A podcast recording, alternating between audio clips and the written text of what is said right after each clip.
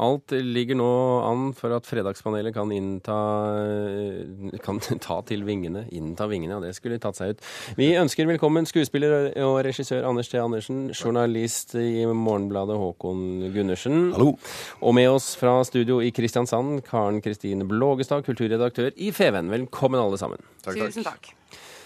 Vi går rett på spørsmålene, selvsagt. Aftenposten Junior, avisen for barn som vil følge med på det som skjer, ble lansert denne uken. Hver tirsdag med nyheter, vanskelige sammenhenger og siste ukes viktigste hendelser. Det sier i hvert fall reklamen. Spørsmålet mitt i dag er er en papiravis rette måten å rekruttere unge lesere på? Vi kan begynne i Kristiansand. Ja. Håkon? Nei. Anders? Ja, kanskje. Ja, kanskje. Da begynner vi med den klare nei, tror jeg. Nei, dette skulle jeg gjerne svart ja på. Men uh, for jeg vokste opp med sikkert en sju-åtte aviser om dagen, og jeg husker jeg satt sjøl og leste til og med Norges Handel og Sjøfartstidene. Men så har det jo blitt som det har blitt òg. Ja, ikke sant. Nettopp. Og jobber i Morgenbladet. Men altså, jeg tester ut på egne barn, har gjort det i mange år, om de eh, vil overta avisa mi om morgenen og sånt. Og blant annet, som nå for tida, legger jeg Aftenposten med baksida opp. Altså fotball er det som regel deg på sportssidene. Og Så går jeg og gjør mitt om morgenen, og så kommer jeg tilbake og ser om den er blitt rørt. Og det har den ikke, altså. Blågestad. ja, jeg tror at dette er eh, så mot, et så motstrømsprosjekt, en så absurd idé, at det er litt kult. Altså, det står litt fram. Vi lever i en voldsom mediestøy, og ikke minst på nettet, hvor eh, dette skal konkurrere. Altså, hvis det hadde vært en lansering på nettet, så skulle dette konkurrert med veldig mye. Dette er et produkt som står fram. Og det er eh, Nei, jeg syns det er kult. Jeg liker alt som er litt eh, mot eh, røkla. Men tror du du er vellykket? Jeg har hørt et barn Jeg har gjort litt research i dag for å sjekke med kollegas barn, og jeg har hørt at barn som har fått dette produktet i fanget, har vokst litt med den oppgaven. De har liksom rettet ryggen og gått litt løs på produktet og syns det er litt stilig å ha sin egen avis. Anders? Eh, jo, altså jeg, jeg, jeg vet ikke om det har noen positiv effekt, men er, jeg tenker at det er i hvert fall verdt forsøket. Jeg er av de, det er mange med meg òg kanskje, som er mektig bekymret over eh, den, altså avisens eventuelle død. Det er jo slett ikke sikkert at det skjer, men altså, den er jo unektelig under press, og jeg mener at det er et stort eh, demokratisk problem. I, form av det at man ja, kan velge å selektivt bare hente ut informasjon som er eh, mer eller mindre kvalitetssikret eller helt skrudd, som enkelte personer jo også Jeg bedriver. deler altså synet på at dette er ønskelig. Ja, ja, det det første spørsmålet jeg var om det vil lykkes. Og da kan vi konkludere med at det i hvert fall treffer veldig mange foreldre. Velmenende, ambisiøse foreldre som vil ha dannede barn som er orientert. Men så det kan er- hende det er mange barn som hater Aftenposten nå, så får dette dytta eh, på maten. Men Blågestad, er ikke dette egentlig litt sånn arrogant? Fordi at uh, ungene er jo vel vant til å finne informasjon på nettet og vet hva som er hva. Jeg vet ikke, men det er noe med å ta de på alvor også, og gi de på en måte et uttrykk som er, eh, som er adressert til dem, og som forholder seg til dem og deres verden. Så det Arroganse klarer jeg ikke å lese i dette. Det er jo i hvert fall, altså, den, Jeg har jo hatt en sånn side i Aftenposten i lang tid som har vært en sånn Side? eh, ja, nettopp. Og den har i hvert fall vært eh, flittig brukt, eh, virker det som. Så det må jo ha, vi har vi har i hvert fall hatt en viss appell. eh, for der er jo stadig nye folk, unge mennesker, som skriver. Jeg også er enig med Kristiansand her om at jeg tror det er noe med å at de føler at de blir tatt på alvor, tror jeg. Men jeg skal forsøke deg, altså. Aftenposten Junior, og la den ligge og slenge. Men jeg tror ikke jeg skal komme med den. Og nå skal vi sette oss til å lese sammen. Men kanskje det hadde vært en idé å legge frem denne side, siden istedenfor uh, fotball? Nå vet ikke jeg hva dine barn er interessert i, riktignok. Men Nei, jeg tror fotball er testen. fotball er testen. Ok. Skal vi i hvert fall konkludere med at vi kan ønske dem lykke til? Ja, det kan vi. Det kan vi. Da gjør vi det. Andre spørsmål. Norge ligger langt etter våre naboland når det gjelder utvikling av musikktalenter. Stadig færre nordmenn kvalifiserer seg til høyere musikkutdanning her i Norge, og stadig flere utlendinger får jobb i våre symfoniorkestre.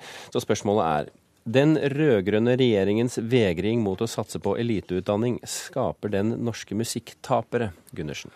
Ho-ho, du. Da spør du altså noe Det er et ja eller nei-spørsmål. Vet du hva, Jeg prøvde til og med å høre på det innslaget som dere sendte om dette her, og jeg skjønte ikke problemet da heller. Men Men, du- svaret er nei. eh, Den er- skaper ikke musikktapere. Den skaper mange gode middelmådigheter. Ja, Andersen. Uh, hva var spørsmålet? Ja. Om, om det skaper mange midler Nei, ikke Nei. skaper nok bra? Det, Den, nok? den skaper, uh, skaper denne manglende eliteutdanningen uh, norske musikktapere. Oi. Vi vil ha flere nei. norske Nei. musikktapere. Blågestad.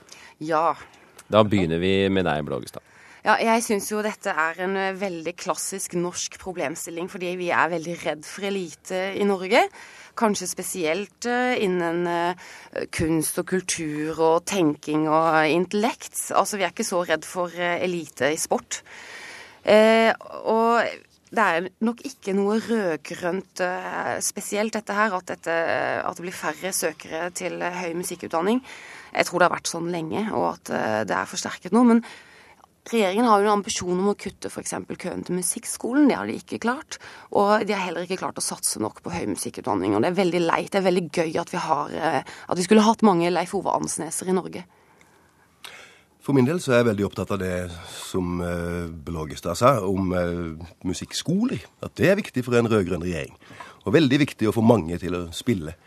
Men den troen på at vi i Norge skal ha verdensklasse på ethvert felt, den eh, har jeg egentlig aldri forstått. Og jeg syns selve begrepet toppidrettssenter i et lite land, det tror jeg heller ikke noe på. Disse kokkelandslagene som hele tida vinner. er Nei, og heller ikke på musikkområdet så må vi være glad for en Ansnes, og så må vi gjerne ha mange utenlandske i våre symfoniorkestre. Du, du er en fortaler for litt middelmådighet, du. En for å heve gjennomsnittet er jeg veldig for. Flere som spiller. Mm. Ja, men da kan jo eliten hjelpe med det, Håkon.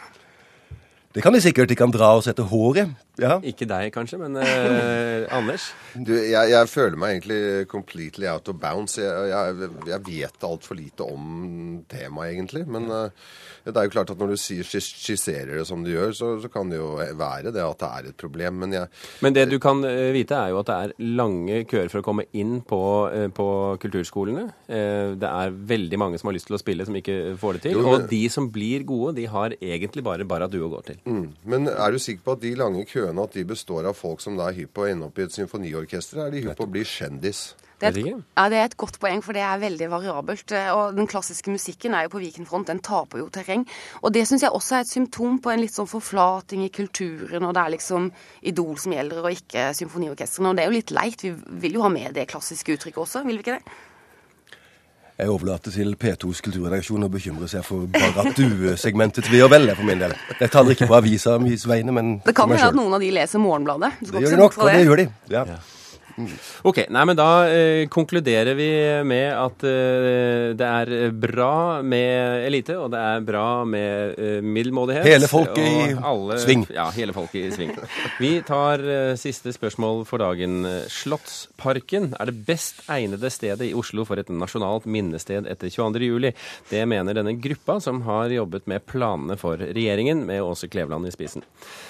Kritikerne derimot de mener at minnestedet enten må være ved regjeringskvartalet eller ved Domkirken. Så spørsmålet mitt i dag er har regjeringens eh, minnestedgruppe bommet totalt, Andersen? Nei. Ja, men det er greit. Blågestad? Ja. Ja, men det er greit.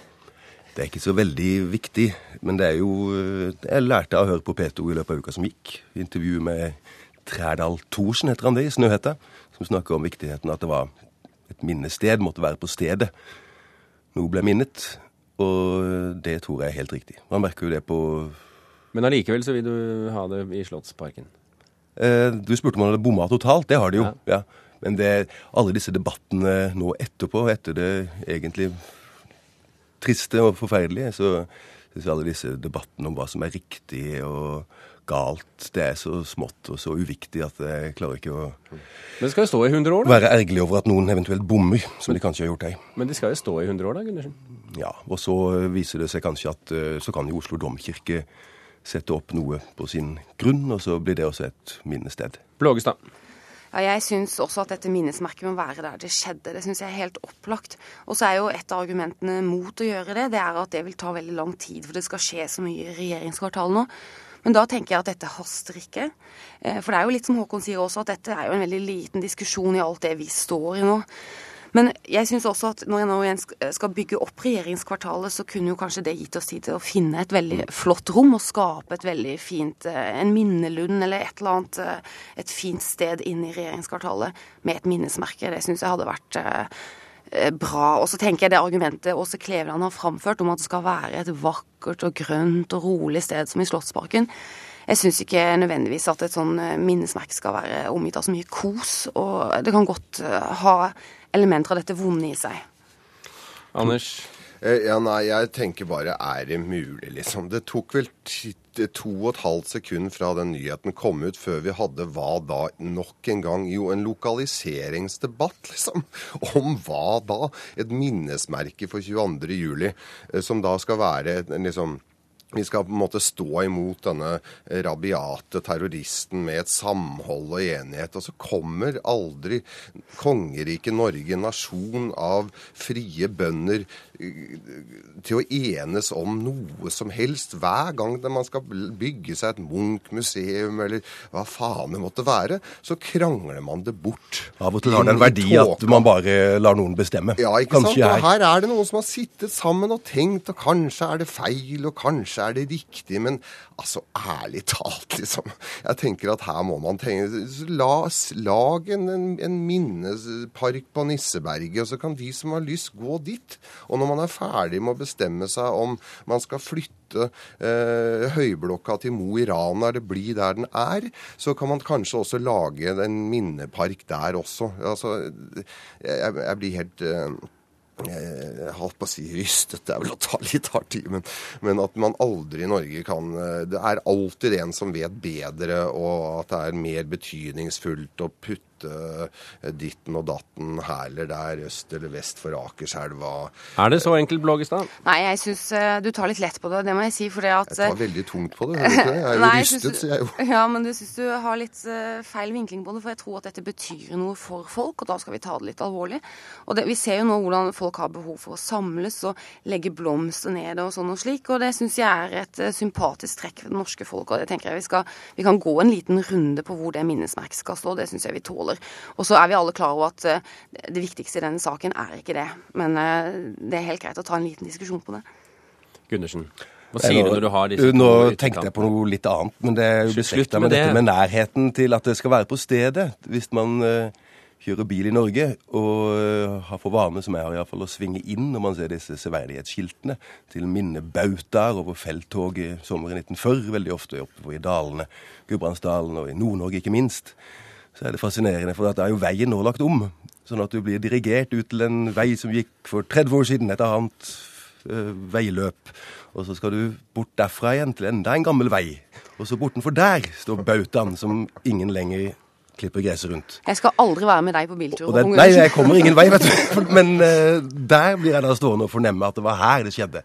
Så den derre på stedet Ja. for et minnested er helt avgjørende, egentlig. Eh, folkens, det var veldig hyggelig å ha dere i Kulturnytt i ettermiddag. Jeg syns vi var eh, egentlig veldig dårlige til å komme til noe som helst konklusjon på noe som helst. Vi er heldigvis ikke vedtaksdyktige. Nei, vi er ikke vedtaksdyktige. Vi bestemmer ingenting, heldigvis. Og ikke skal vi være det heller.